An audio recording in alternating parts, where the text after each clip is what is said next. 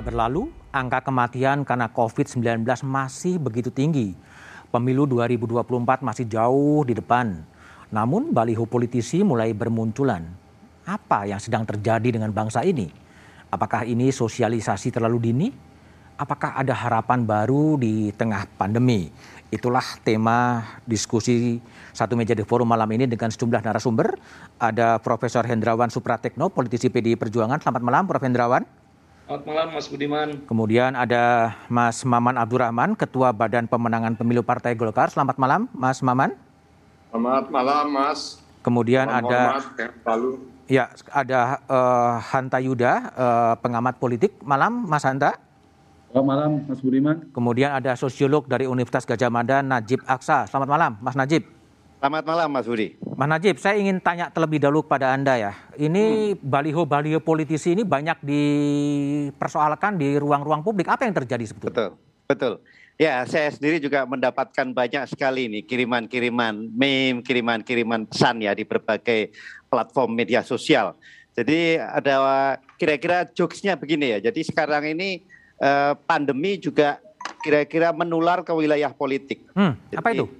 Nah, di wilayah politik juga ada anu zona merah, ada zona kuning, ada Oke. zona hijau, zona Oh. biru kira-kira begitu ya. Oke. Jadi ini ketularan di sana dan ini Hmm. ketularan tidak dalam artian yang positif ya Mas Budi ya. Artinya virus itu saya kira menggerogoti eh, katakanlah tatanan sosial kita karena saya kira ke elit kita mungkin eh, kehilangan orientasi. Kehilangan Mengenai- orientasi.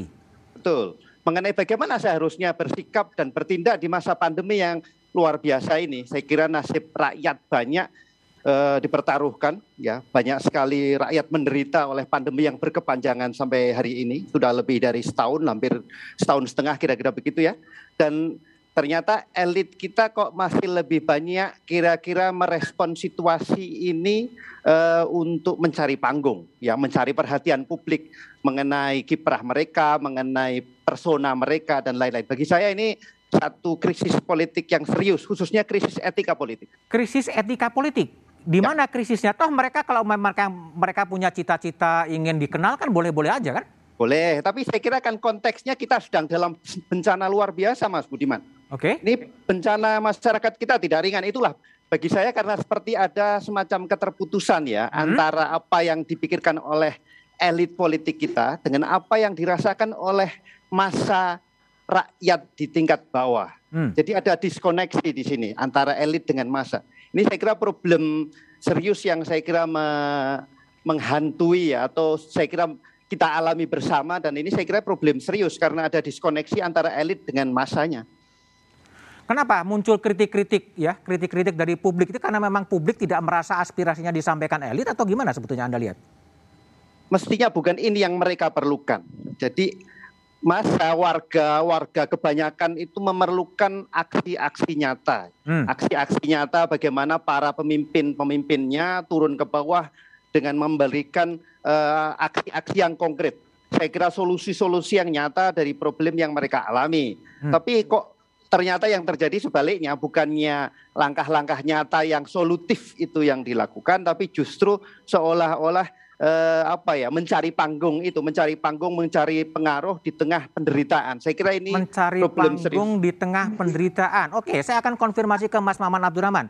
Gimana dengan apa eh, baliho-baliho ketua umum Partai Golkar ini sebagai ketua umum atau sebagai Menko Perekonomian atau sebagai apa, Bung Maman? Ya, eh, terima kasih Mas. Saya sampaikan dulu bahwa agenda eh, pemasangan billboard ketua umum kami ini sebetulnya agenda yang sudah dipersiapkan dari jauh-jauh hari Oke. sebelum eh, pandemi. Sebelum pandemi. Ini ada- adalah agenda me- bidang media dan penggalangan opini yang dikomandani oleh Pak Nurul. Artinya apa?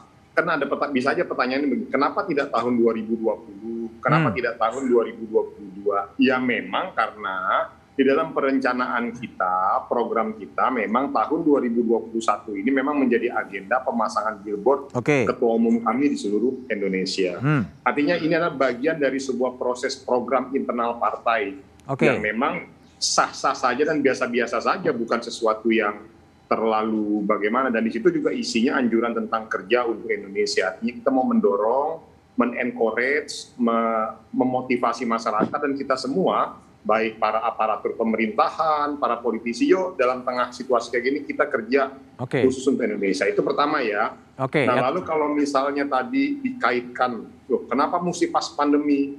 Ya pandemi kan dari tahun 2020. Ya Hmm. kita bisa aja kalau kita mau pasang tahun 2020. Tapi ya memang agenda tanggalnya tahunnya memang 2021. Memang sudah di-set 2021 ya. Tapi kalau Iya, ada ini- tudingan tidak etis atau tidak sensitif gimana Bung Maman? Nah, ukuran etis atau tidak sensitifnya itu diukur dari apa yang sudah dilakukan oleh kami kader partai terhadap penanggulangan pandemi ini. Hmm. Saya ingin sampaikan begini, eh, positioning Pak Erlangga sebagai ketua K- eh, KPC PEN Hmm. itu adalah secara tidak langsung beliau berjibaku kok sampai hari ini berkoordinasi Oke. dengan seluruh aparatur pemerintahan baik dari tingkat pusat, tingkat provinsi, tingkat kabupaten, beliau berkoordinasi dengan kepala-kepala daerah untuk bagaimana menuntaskan permasalahan pandemi ini. Lalu yang kedua, beliau juga dari jauh-jauh hari loh, dari tahun-tahun yang lalu kita sudah memerintahkan kita Hmm. para anggota-anggota fraksinya baik yang di pusat, yang di provinsi sampai yang di kabupaten untuk melakukan refocusing anggaran dan realokasi. Oke. Lalu kayak kami-kami Mas, ini yang kader-kader partai mohon maaf mungkin sulit kalau misalnya eh, kita mau informasikan semuanya sampai hari ini kayak terkait bantuan eh, paket ya. Itu sudah kurang dari pusat aja ya. Ini yang termonitor kita membentuk yang namanya Yellow Clinic. Yellow Clinic. itu yang terdata, yang terdata oleh kita itu ada udah kurang lebih hampir 2 juta paket yang kita distribusikan. Yellow Clinic itu apa Mas Maman?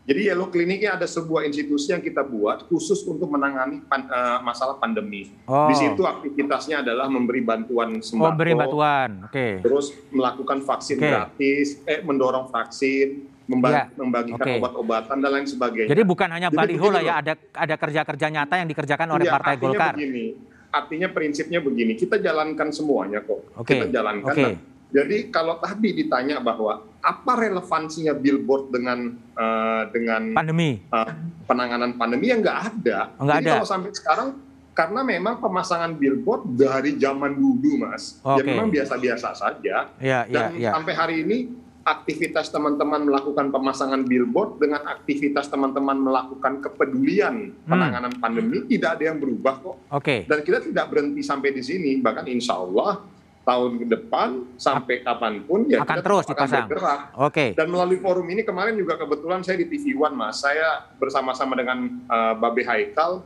beliau punya program, beliau ada program satu uh, satu kata satu bantuan gitu. Jadi misalnya beliau mengajak orang gitu, terus ada program pembuatan gerobak, ya ayo kami Oke, saya ikut. langsung respon kok. Jadi Oke. saya pikir nggak ada yang nggak ada yang berubah kok saya rasa. Baik. Jadi memang sudah kewajiban kita kok uh, Baik. turun sama-sama membantu situasi pandemi. Baik, saya ke Prof Hendrawan. Prof Hendrawan, ini kan kalau di Golkar kan ada Mas Airlangga Hartarto sebagai ketua umum. Lalu kemudian di PKB ada Muhaimin Iskandar. Nah, di PDIP kenapa Puan yang balihonya memenuhi apa Pulau Jawa dan beberapa tempat yang lain, bukan Megawati? Jadi begini Mas, saya kira kami terima tadi kritik dari sosiolog UGM ya, Eh, tetapi saya menilai bahwa banyak pengamat sekarang yang bahkan eh, being politicized ya, Being terlalu politicized. politis ya. Terlalu politis. Eh, eh, Hmm. Apa pun dilihat dari kacamata politik. Memang kalau itu ditujukan untuk partai politik tidak masalah ya. Tetapi tidak melihat ruang-ruang lain nih. Seakan-akan direduksi aktivitas partai politik hanya memasang baliho, billboard. Sementara pada saat yang sama aktivitas below the line, aktivitas langsung ya, seperti vaksinasi, dapur umum, ya, pembagian sembako dan seterusnya justru lebih gencar kami lakukan. Tapi nggak kelihatan Jadi- ya Prof ya? Coba Anda amati billboard dan baliho itu. Coba. Ah. Tidak ada satupun yang notasinya politis, ya kepak sayap kebinekaan misalnya. Apa itu? Kepak sayap kebinekaan dalam konteks membangun toleransi, Oke. ya menghargai keberagaman. Ini tidak ada unsur 2024. Kami Oh. ingin membangun ruang di luar ruang politik, ruang Oh. kemanusiaan, ruang kebangsaan. Tapi sosiolog karena kami partai politik, wah ini belum apa-apa sudah nampang, belum apa-apa sudah eh, cari panggung tadi disebutkan. Jadi yang sangat politis justru orang-orang yang bukan di partai politik aneh ini. Oh, tapi masang masang baliho itu bukan tindakan politik juga Prof? Partai politik yang melakukan, tetapi sekali lagi kan itu above the line. Above ya, the yang line. below the, iya, yang below the line banyak sekali. Nanti Oke. kami 17 Agustus kami ucapan selamat. Oke. Ya. tapi ya. itu bab lain lagi. Tapi yang below the line tidak kalah, Mas. Mas okay. datang ke dapil saya, ya. mungkin waktunya habis hanya untuk ngikutin kegiatan-kegiatan kami begitu. Oke, tapi pertanyaan tadi yang pertama, Prof. Hendrawan, uh, kenapa Mbak Puan bukan Ibu Mega? Karena kami mengekspresikan kebanggaan kami baru dalam sejarah Republik Indonesia ada perempuan pertama Hah? yang menjadi ketua DPR, oh, okay. Ibu Puan Maharani, dan karena itu ekspresi kebanggaan itu kami jadikan sebuah sequel. Okay. Ini sequel berikutnya ditunggu dong. Bukan ya. itu, bukan karena Bu Mega juga apa eh, presiden pertemuan apa, eh, presiden pertama perempuan juga, Prof. Enggak, ini ketua DPR ya. Oh, ketua DPR. Kami menekankan Ibu Puan dalam dua tahun ini menunjukkan kapasitas dan kompetensi sebagai perempuan pertama ketua DPR dalam sejarah Republik. Kenapa baru sekarang juga Prof. Hendrawan? Apakah sama dengan Mas Maman tadi udah direncanakan lama tapi kebetulan 2021 pas pandemi gitu? Oh, agendanya sudah panjang, Mas. Oh, udah panjang. Itu sebabnya tadi saya mengatakan ini sebenarnya sequel oh. yang tentu perkembangannya akan kita lihat masukan-masukan dari masyarakat, hmm. masukan dari teman-teman di lapisan bawah. Jadi ini spontanitas kolektif ya yang diwadahi dalam agenda-agenda kerja politik. Oke. Baik, saya kembali ke Mas Hanta ya yang yang apa uh, salah satunya adalah mencoba mensurvei uh, opini-opini publik. Ini gimana nih? Anda lihat bahwa di tengah pandemi uh, ada kemudian pemasangan baliho para politisi, ketua umum partai, tetapi ada respon yang justru negatif. Tapi bahasan Hanta setelah jeda berikut ini.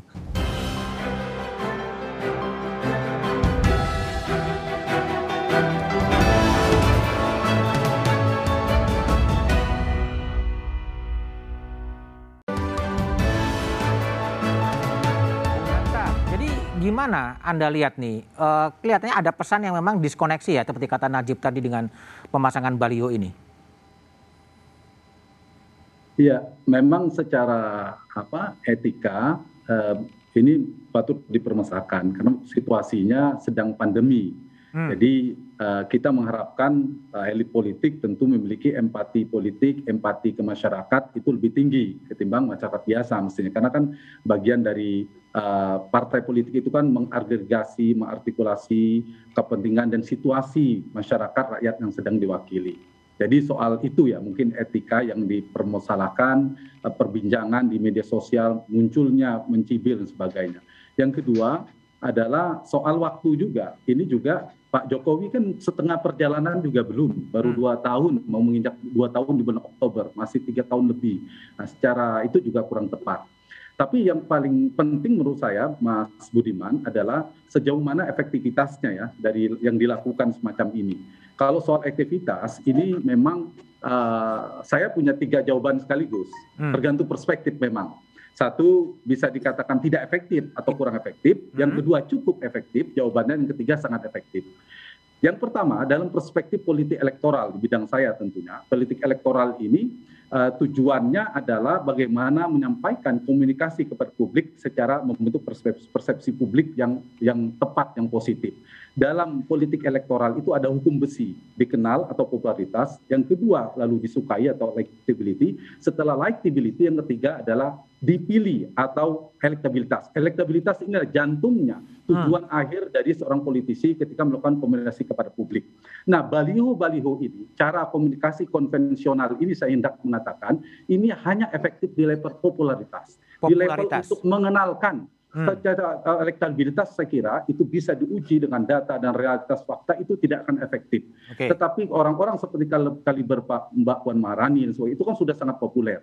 Jadi kalau kemudian saya meragukan efektivitasnya dalam bentuk elektabilitas, misalnya untuk menandingi, mohon maaf saya harus mengatakan uh, pada gubernur di Pulau Jawa itu agak sulit elektabilitasnya justru berpotensi munculnya kontraproduktif kalau tidak berhati-hati. Di mana kontraproduktifnya? Karena cibiran masyarakat situasi yang tidak tepat, cek saja di monitoring pembicaraan di media sosial, terutama pemilih-pemilih muda, milenial, itu uh, situasi yang tidak tepat. Kecuali, kecuali masih mending kalau baliho-baliho itu uh, isunya atau kalimat-kalimat yang muncul ada lebih pada isu pandemi. Misalnya okay. memberi contoh bagaimana menegakkan 5M, 3T, hmm. pakai masker, semua okay. Budiman, dan sebagainya. Hmm. Itu masih mending Tetapi kalau apalagi yang sudah vulgar Mas Maman ya menyebut 2024 dalam situasi saat ini menurut saya kontraproduktif dan itu saya menyaksikan meragukan sekali itu nanti hasil dari baliho-baliho ini akan menaikkan elektabilitas melampaui misalnya Anies Baswedan, Ganjar Pranowo atau uh, apa namanya Ridwan Kamil dan sebagainya. Jadi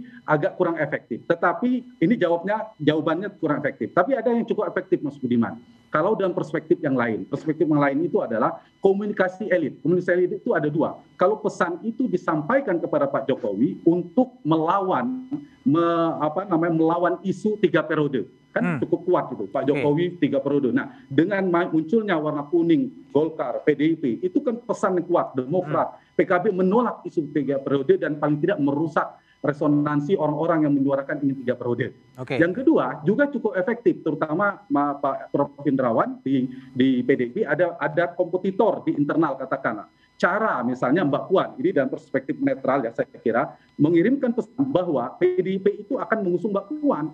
Jadi itu juga upaya untuk mengunci uang gerak manuver Ganjar Pranowo katakanlah ini di, di PDP ketimbang Mbak Puan. Jadi cukup efektif di internal okay. untuk persaingan dan satu lagi yang sangat efektif ini sebenarnya saya tambah-tambahkan saja yaitu efektif untuk membantu rekan-rekan kita di usaha bisnis baliho billboard ekonomi kecil di ya? situasi ya? saat ini. Okay. Apalagi nanti sisanya bisa sebagian di perbicaraan media sosial, sisanya nanti baliho itu bisa menjadi untuk menutup uh, apa namanya UMKM, warung-warung ya pecel lili dan sebagainya. Itu oke. sangat efektif. Baik, oke. Kemudian Najib, Bung Najib, tadi kan ada kalau suara-suara bawah itu kan ya. artinya kan uh, terlalu cepat ke 2024.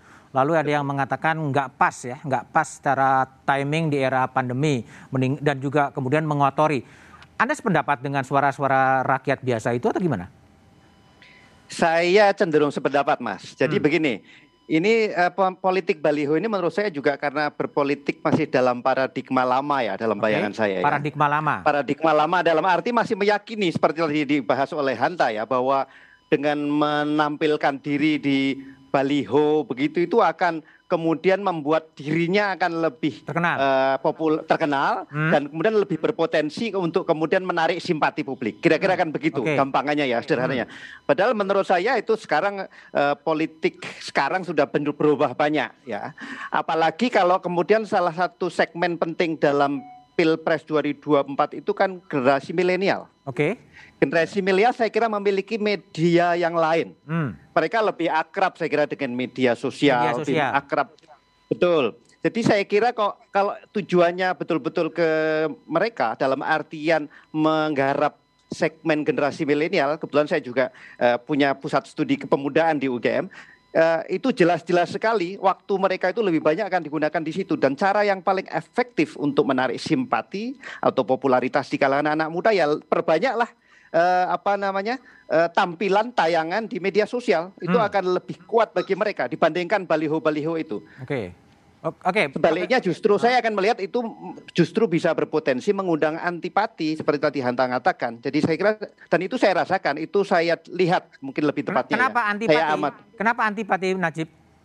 Karena jelas baliho itu tidak murah Mas Budiaman. Tidak murah. Baliho itu tidak murah. Itu pemasangan baliho itu biayanya besar, kira-kira begitu ya, memakan biaya banyak dan itu tidak menunjukkan sensitivitas tadi yang saya katakan ya. Jadi menunjukkan tipisnya sensitivitas etik ya hmm. eh, di masa pandemi. Jadi saya kira akan jauh lebih menarik jika mereka justru eh, katakanlah ya eh, jor-joran untuk kerja bakti untuk negeri di masa pandemi. Misalnya begitu ya. Okay. Jadi melakukan aksi-aksi itu dan kemudian sangat meluas, partisipatif. Misalnya ya warga disupport betul. Saya di Jogja misalnya mengikuti bagaimana teman-teman di sini kekurangan apa namanya uh, uh, apa namanya baju untuk su sukarelawan misalnya begitu. Ya. Lalu juga bagaimana mereka kesulitan konsumsi di tengah kerja yang tanpa biaya jadi sekarang ini saya melihat banyak sekali orang bekerja uh, sebagai relawan tanpa okay. dibayar uh, dan mereka ini saya kira yang paling terlukai dengan politik baliho kalau yang saya rasakan ya okay. kalangan teman-teman ini gimana nih kok orang kok tidak punya sensitivitas terhadap situasi yang sangat berat seperti sekarang. Oke, baik ke Prof. Hendrawan. Prof. Hendrawan, jadi tadi ada banyak kritik ya termasuk kepada balihonya Mbak Puan sebetulnya tidak sensitif dan lain tapi sebetulnya apa sih tujuannya itu? Apakah kata Bung Hanta tadi memang menutup kompetitor lain yang akan muncul atau seperti apa sebetulnya? Jadi begini, ini saya sampaikan fakta dulu Mas Bud. Siap.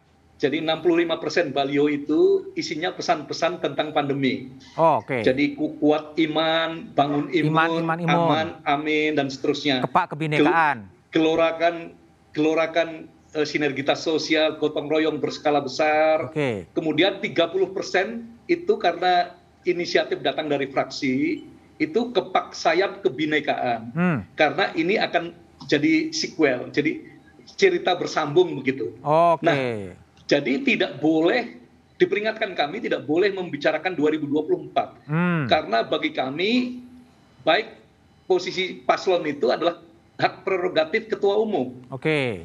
Jadi itu sebabnya kami menyampaikan di situ kebanggaan kami kepada Ibu Puan Marani sebagai ketua DPR. Nah, itu sebabnya kami heran kalau balio-balio yang mengajak disiplin sosial, ya, menjaga kebersamaan dan seterusnya, kemudian dianggap kurang sensitif, hmm. itu artinya sudah segala sesuatu yang dibuat oleh partai politik dianggap sesuatu yang salah. Hmm. Padahal kami katakan tadi, partai politik tidak hanya mengerjakan satu hal. Banyak ya? Banyak sekali kegiatan di mana pasang baliho hanya salah satu dari sekian banyak kegiatan yang sudah dikerjakan. Oke, oke. Tapi tapi memang posisi Mbak Puan memang sebagai ketua DPR ya, Prof Hendrawan ya? Ketua DPR. Oke. Coba baca aja, kan kelihatan besar-besar begitu sebagai ketua DPR. Tidak, ketua DPR. tidak memilih tokoh yang lain untuk untuk tampil di baliho. Tidak, karena memang kami tadi mengekspresikan kebanggaan kami. Hmm. Ini perempuan pertama dalam sejarah Republik yang dalam dua tahun DPR sudah menunjukkan kompetensi dan kapasitasnya menyelesaikan persoalan-persoalan besar. Undang-undang Cipta Kerja, kemudian pengesahan Perpu 1 sehingga pengatasan pandemi pemulihan ekonomi nasional bisa berjalan lebih cepat. Oke, baik. Bung Maman, jadi kalau tadi ya. uh, apa tanggapan dari Bung Hanta dan Bung Najib ini nggak terlalu cepat ya menuju 2024 dan tidak sensitif karena masih pada pandemi? Uh, mas, saya pikir uh, terlalu cepatnya di mana? Karena ini kan bagian dari program yang kontinuitas saja. Oh, gitu. udah lama saya, ya? Makanya, jadi saya rasa dari dari awal saya selalu bilang bahwa kita sepakat lah, nggak mungkin juga akhirnya gara-gara pasang billboard ini lalu tiba-tiba pasti seseorang jadi presiden atau pasti seseorang jadi wakil presiden atau jadi menteri atau hmm, apa. Hmm. Jadi ingin saya sampaikan bahwa ini adalah sebuah aktivitas program yang rutin, rutin. yang lazim dilakukan oleh sebuah partai. Hmm. Terlepas dari bahwa kita juga di partai melakukan aktivitas sosial yeah. terkait mengenai masalah pandemi ini. Jadi saya pikir Uh, kita sama-sama paham, kita sama-sama tahu. Nah nanti contoh sekarang gini, alhamdulillah lah dengan ada momentum kayak gini nanti uh, Pak sosiolog kita nanti Pak dari UGM, mau Pak kita komunikasi, kita koordinasi, nanti saya minta nomor teleponnya, apa program-program, apa pun kondisi yang dibutuhkan di daerah, nanti insya Allah kami dari Partai Golkar akan support. Okay. Karena bagi kami ini dua hal yang berbeda pemasangan hmm. billboard adalah sebuah aktivitas yang rutin dilakukan oleh setiap partai. Okay. Yang kebetulan juga ketua umum kami adalah Pak Erlangga Hartarto, ya tentunya dari bidang kami media dan pengkarangan opini ya berkepentingan dan punya kewajiban untuk memasang billboard. Nah lalu kalau misalnya terkait penanganan pandemi, sampai detik hari ini alhamdulillah loh, Ketua Umum kami Menko Perekonomian di tangan beliau bersama-sama dengan pemerintah pusat, okay. bersama-sama dengan pemerintah provinsi dan pemerintah kabupaten, bersama-sama dengan teman-teman partai hmm. yang ada di legislatif, kita hari ini mampu menjaga kenaikan perekonomian kita sampai 7 persen. Oh. Ya bahwa ini belum maksimal, ya, ya kita ya, ya. tahu ya. pasti ada indikator. Tapi setidaknya kita sama-sama berusaha ke arah sana. Nah, jadi saya pikir aktivitas itu berjalan kok. Nggak ada yang sama-sama juga. Teman-teman PDIP juga melakukan aktivitas okay. itu semua. Jadi okay. tidak ada yang berkurang saya rasa. Okay. uh, eh, bahwa ini berjalan sinergis saja bukan sesuatu yang ini nah kalau tadi merespon apa yang disampaikan oleh Mas Hanta saya kebetulan ini juga sering banyak berkomunikasi dengan beliau. Kita sama kok kita sepakat. Nggak mungkin seseorang itu bisa diukur hanya dengan ukuran billboardnya. Pada yeah. akhirnya siapa masyarakat pasti akan melihat siapa sih yang paling terdepan, siapa yang berada pada lini terdepan untuk mengurusi bangsa ini, mengurusi okay. masalah situasi negara yang pelik ini okay. dengan di tengah di tengah kondisi pandemi ini. Jadi Baik. biarkan Mas, saya saya juga uh, kita juga harus fair mas kepada masyarakat kita. Ini pasti ada yang pro dan ada yang kontra. Dan saya yakin masyarakat juga nanti bisa menilai kok. Karena toh juga pada akhirnya semua kembali okay. lagi kepada masyarakat dan 2024 itulah nanti adalah deadline untuk menilai. Makanya di situ ditulis oleh kita Mas apa kerja Indo untuk Indonesia. Kerja untuk Indonesia mendorong. 2024. Nah, Nah, okay. 2024 itu kenapa 2024 supaya kita sama-sama aware bahwa tahapan penilaian yang pada masyarakat ini 2024. Oh. Apakah nanti 2024 itu seperti apa rumusnya? Oh. Saya rasa politik ini dinamis. Oh, dinamis ya. Okay. Politik ini nggak bisa dikatakan statis, nggak ya, hitam ya. adalah hitam, putih adalah putih. Ya, nah ya. kalau tadi saya ada satu mungkinnya saya berbeda karena kan masing-masing partai pasti punya preferensi dan uh, ininya beda-beda. Kalau dari kami ditanya apakah ini ada agenda politik ya, namanya juga partai politik. Partai politik. Ya pasti kita semua punya agenda politik. Nah, okay. Apa agenda politiknya? Bagaimana langkah-langkah yang kita lakukan? Oke, okay, Semua betul-betul bisa sejalan Dengan... terhadap arah tujuan kita untuk mendorong peningkatan perbaikan bangsa ini ke depan yang lebih baik. Baik, Bung Maman. Saya kembali ke Bung Hanta. Bung Hanta, kalau ini politik baliho ini dianggap tidak efektif, tetapi kenapa ini kemudian tetap bermunculan ya, bukan hanya Mbak Puan, ada Pak Air Langga, ya, ada Mas Agus Harimurti Yudhoyono, ada Muhaimin Iskandar. Kok seakan-akan semua muncul pada saat yang sama gitu. Tapi jawabannya setelah jeda berikut ini aja.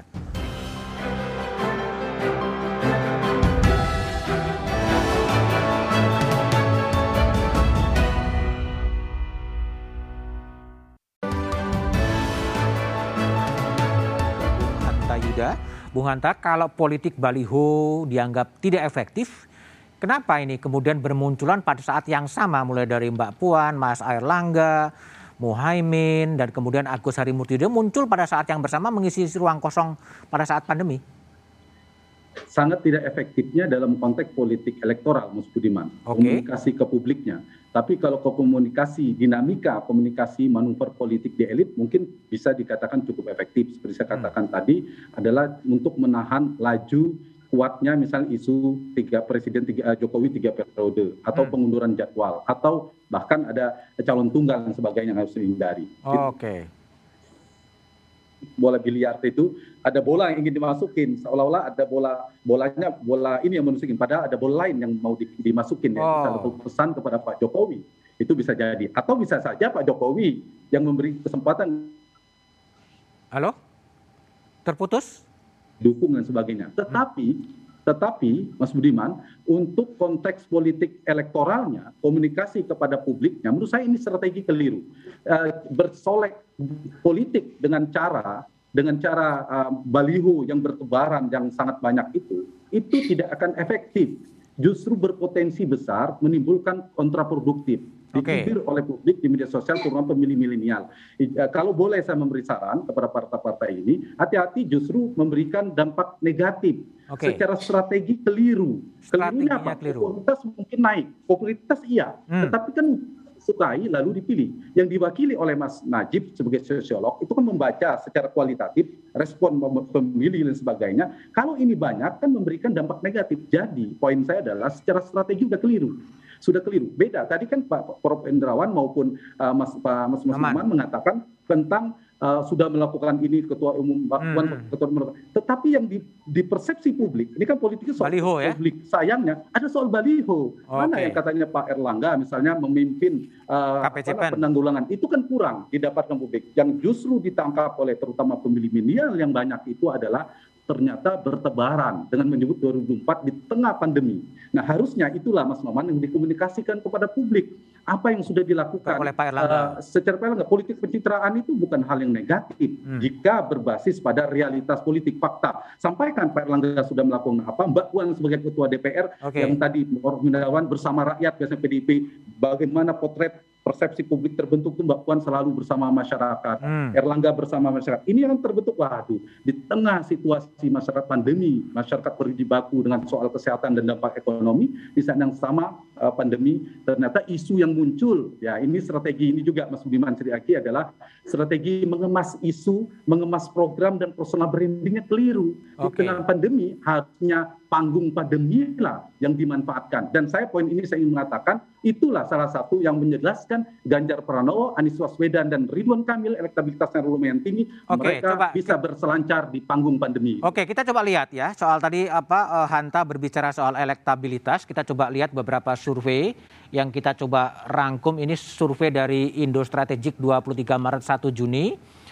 Uh, ap, uh, apa uh, Prabowo itu 17 setengah persen, Anies Baswedan 17 persen, lalu kemudian eh, Ganjar di 8,1, Ridwan 7 persen, Sandiaga 6,8, lalu Tri Risma hari ini 4,1, Gatot 1,8, lalu di periode yang di bawah satu persen itu eh, Mbak Puan, Pak Muhaimin dan Erlangga itu dari Indo Strategik ya, yang dibagi klaster.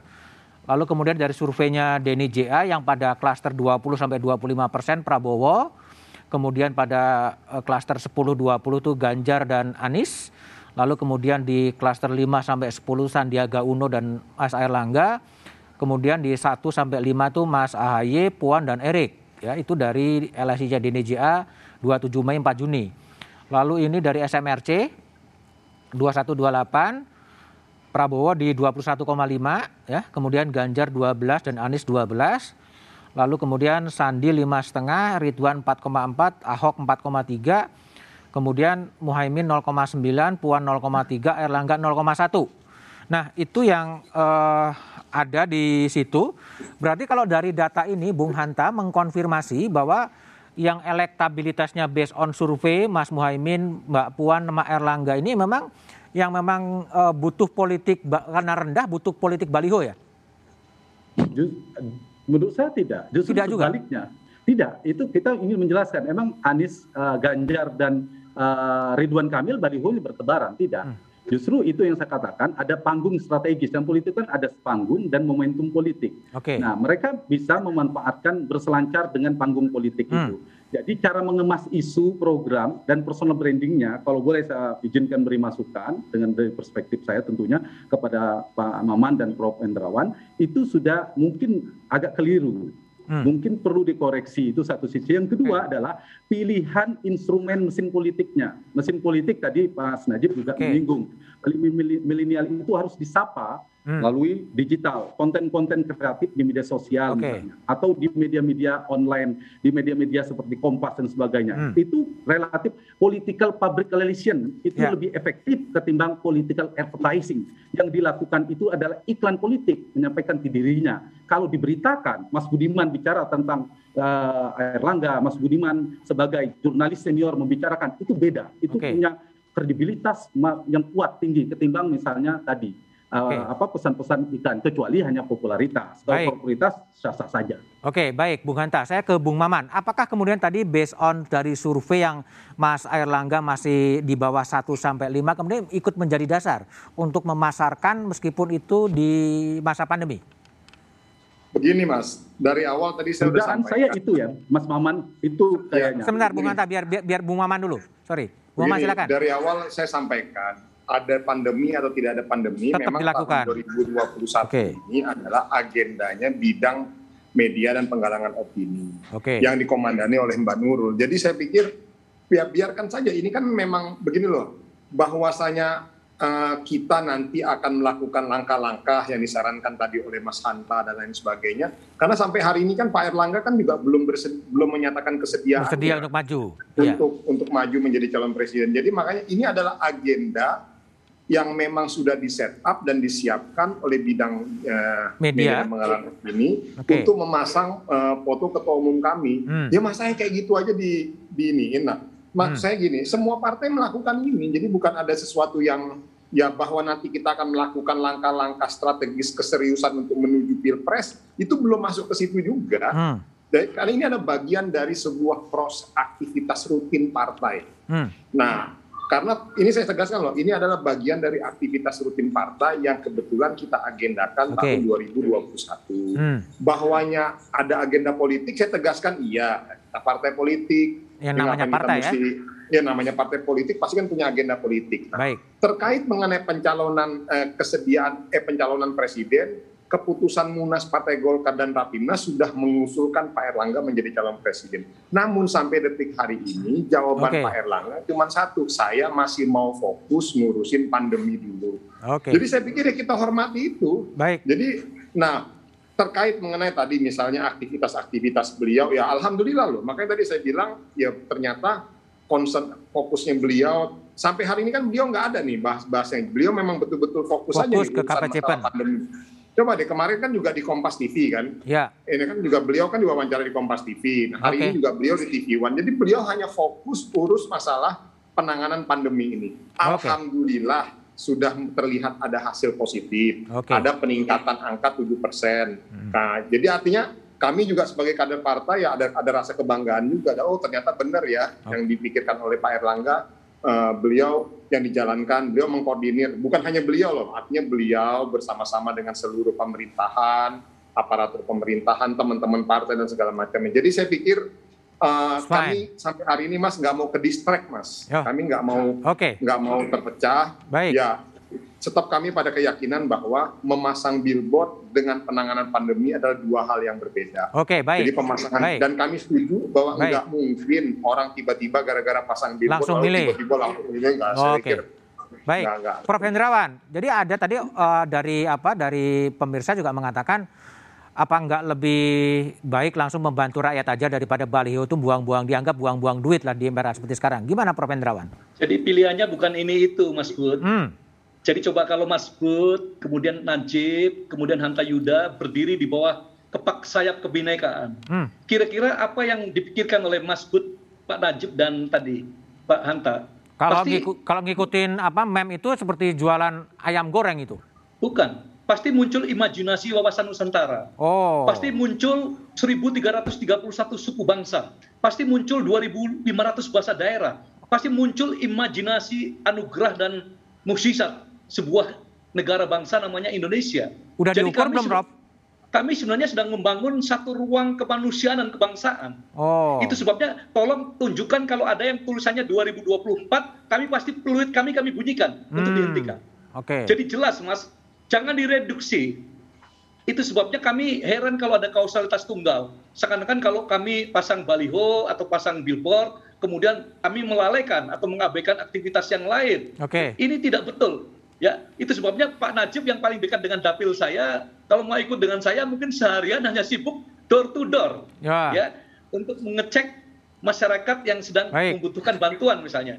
Jadi Oke. Pak eh, Budiman, Mas Budiman, tolong ini jangan ini atau itu pilihannya dan jangan seakan-akan semuanya direduksi menjadi kausalitas tunggal. Ya, seakan-akan semuanya penyebabnya tunggal. Tidak, ya.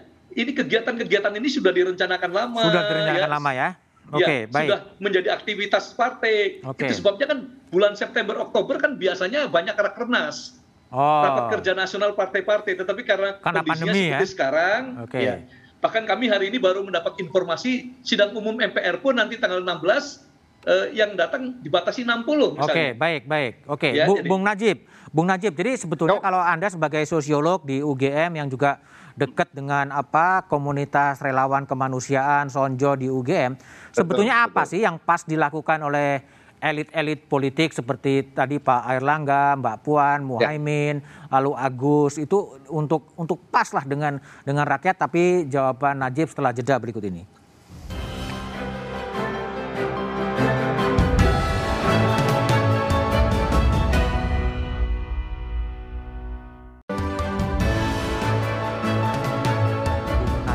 Aksa, sosiolog dari Universitas Gajah Mada.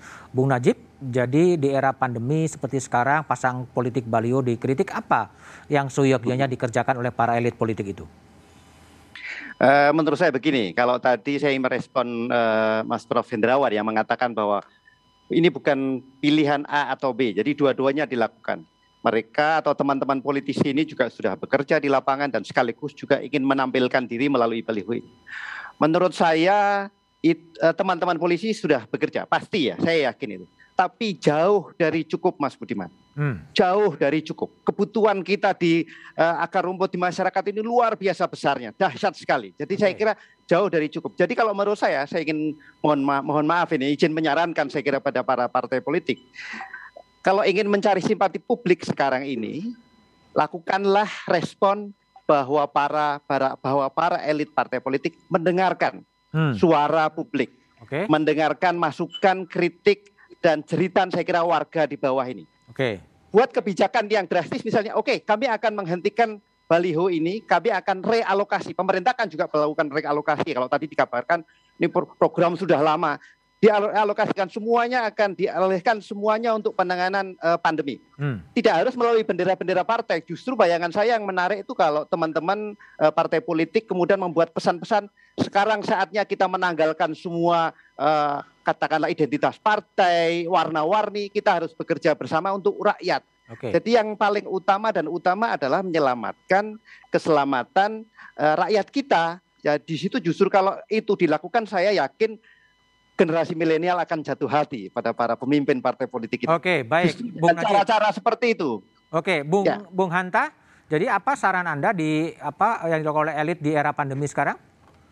Pertama, anggap saja pemilu, pileg, pilpres itu seolah-olah tinggal minggu depan. Oke. Okay. Anda bisa kita bisa bayangkan kalau tinggal minggu depan, pasti partai jor-joran membantu rakyat hmm. bersama rakyat. Karena itu buatlah posko-posko seperti tadi itu, posko-posko peduli untuk membantu rakyat dalam situasi saat ini, baik dalam konteks kesehatan maupun dampak ekonomi sebanyak-banyaknya. Sebanyak-banyaknya ada siapa nanti masyarakat akan tahu partai mana yang bersama di era pandemi. Sehingga fenomena keterputusan antara arena siklus lima tahunan pemilu itu muncul itu tidak tersambung dengan kerja politik eh, yang dijalankan oleh para politisi. Harusnya disambungkan. Anggap aja pemilu itu setiap hari. Anggap aja pilkada itu setiap hari. Jadi harus dilakukan. Yang kedua, uh, saya kira dari pesan yang dilakukan oleh Mbak Puan Warapendrawan uh, soal apa namanya kepak sayap itu, itu uh, itu positif, bagus memang. Tapi agak berat. Itu catatannya agak saya, berat. agak berat. Jadi dari segi strategi uh, kurang tepat. Dari strategi, saya bicara strategi. Kalau dari okay. sisi Pak Erlangga, Mas Maman, ini terlalu vulgar sehingga menunjukkan tingkat empati seperti Mas Najib katakan tadi. Bicara 2004 itu kurang elok. Tidak baik. empati dan bisa menimbulkan kontraproduktif. Baik, saya kira baik. justru mari bersama rakyat okay. tunjukkan kepedulian pada masyarakat itu lebih baik. Dan Mbak Puan kerja sebagai ketua DPR kemarin mengkritik pemerintah itu lebih menarik lebih baik. kalau dikemas okay, baik. lebih baik baik. Bung begitu juga dengan Pak Erlangga oke okay, baik. Bung Maman jadi Bung Maman apa? Uh, closing statement. Tadi kritik apa, apa kadang terlalu purgal dan sebagainya itu. Ya secara prinsipnya saya atas nama Partai Golkar mengucapkan banyak-banyak terima kasih masukan Mas Hanta dan Prof. Najib ya. Dan sekaligus langsung saya jawab ini sekarang, saya minta nanti minta nomor telepon Prof. Najib pada kesempatan ini.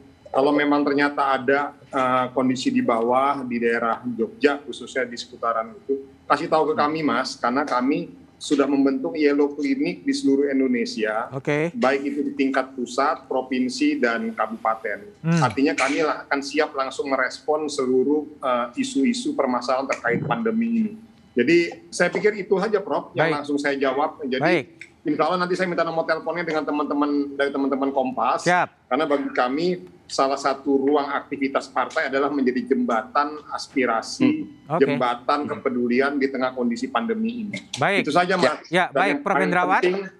Tidak bisa menilai sesuatu partai atau seseorang itu hanya dengan billboardnya saja. Oke, okay, baik. Ya, baik. Mas Budiman, Pak Najib dan Mas Hanta kalau sempat ke Senayan silahkan mampir di lantai 7, di situ ada ruangan brainstorming, oh. curah gagasan, di mana pemikiran-pemikiran sekritis apa pun itu pasti kami terima dengan senang hati. Hmm. Nah, tetapi kami ingin tekankan bahwa pemasangan billboard, baliho dan seterusnya itu tujuannya adalah membangun kebersamaan, membangun persatuan atau dalam konteks kita yang sekarang sedang persiapan merayakan ulang tahun kemerdekaan, kita sedang merayakan Indonesia Raya sebenarnya. Hmm. Itu itu tujuan dari tagline tagline yang ada di dalam billboard maupun baliho itu.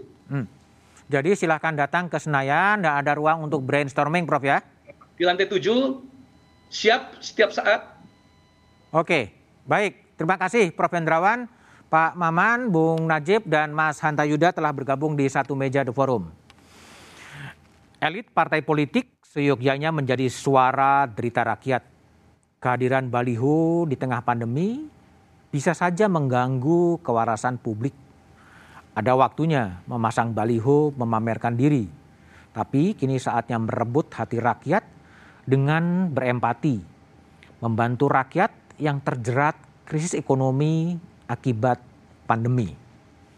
Demikian satu meja The Forum malam ini.